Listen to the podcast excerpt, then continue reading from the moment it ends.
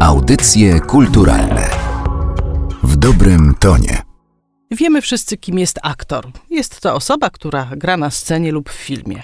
Co ciekawe, starożytni Grecy osobę taką nazywali hipokrytą. Dzisiaj hipokryta to inaczej obłudnik, osoba fałszywa, dwulicowa, ale w języku greckim słowo to oznaczało człowieka, który potajemnie i ten sens związany z taką tajnością, potajemnością wnosił przedrostek hipo, a więc Hipokryta to był ktoś, kto potajemnie osądza kogoś. I to z kolei znaczenie związane z osądzaniem kogoś, obecne w hipokrycie, jest też w słowach krytyka czy krytykować. A zatem hipokryta w Grecji był kimś, kto potajemnie kogoś osądza, kto potajemnie o czymś albo o kimś dyskutuje.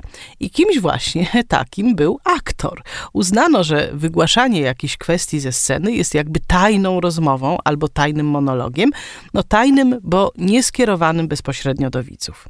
Aktor, jak wiadomo, nie wygłasza swoich kwestii, lecz mówi to, co ma napisane w roli. Udaje więc kogoś innego. I stąd właśnie wzięło się to współczesne rozumienie słowa hipokryta. Osoba fałszywa, dwulicowa, osoba, która no, udaje kogoś, kim nie jest, która codziennie, można powiedzieć, też zmienia poglądy, tak jak aktor codziennie wciela się w inną rolę. Samo słowo aktor też ma ciekawą historię.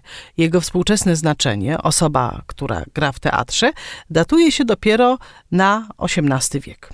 Wcześniej ale i jeszcze przez cały wiek XIX w języku polskim, do którego oczywiście słowo to przybyło z łaciny, oznaczało ono osobę, która działa, która jest sprawcą czegoś.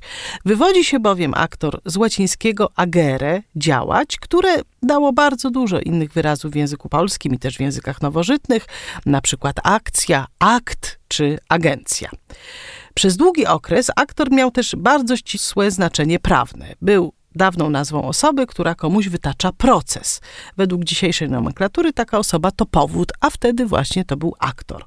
W dawnym tekście czytamy: Człowiek bywało przed kadencją nawpisuje sobie do wokandy z 50 aktorów i nieszpetny wyliczy kapitalik w sperandzie. Speranda to nadzieja na zysk, oczekiwanie na dochody. No w każdym razie mieliśmy tutaj wpisywać do wokandy z 50, czy tak jak dawniej mówiono, z 50 aktorów a więc y, tych mm, osób, które mają wytoczyć komuś proces. Dziś w niektórych tekstach można spotkać słowo aktor używane tak jak przed 300 czy 200 laty, nie w znaczeniu sądowym, lecz jako nazwę osoby, która jest uczestnikiem czegoś. Słyszymy na przykład o aktorach na boisku, no oczywiście chodzi o piłkarzy, czy aktorach wydarzeń. Nie jest to jednak zasługą łaciny, lecz wszechobecnej angielszczyzny. Dziennikarze, no bo to oni głównie to stosują, którzy mówią o aktorach jakiegoś zdarzenia, nie wzorują się na tym dawnym znaczeniu łacińskim, lecz na tekstach przeczytanych albo usłyszanych w mediach amerykańskich albo brytyjskich. Audycje kulturalne w dobrym tonie.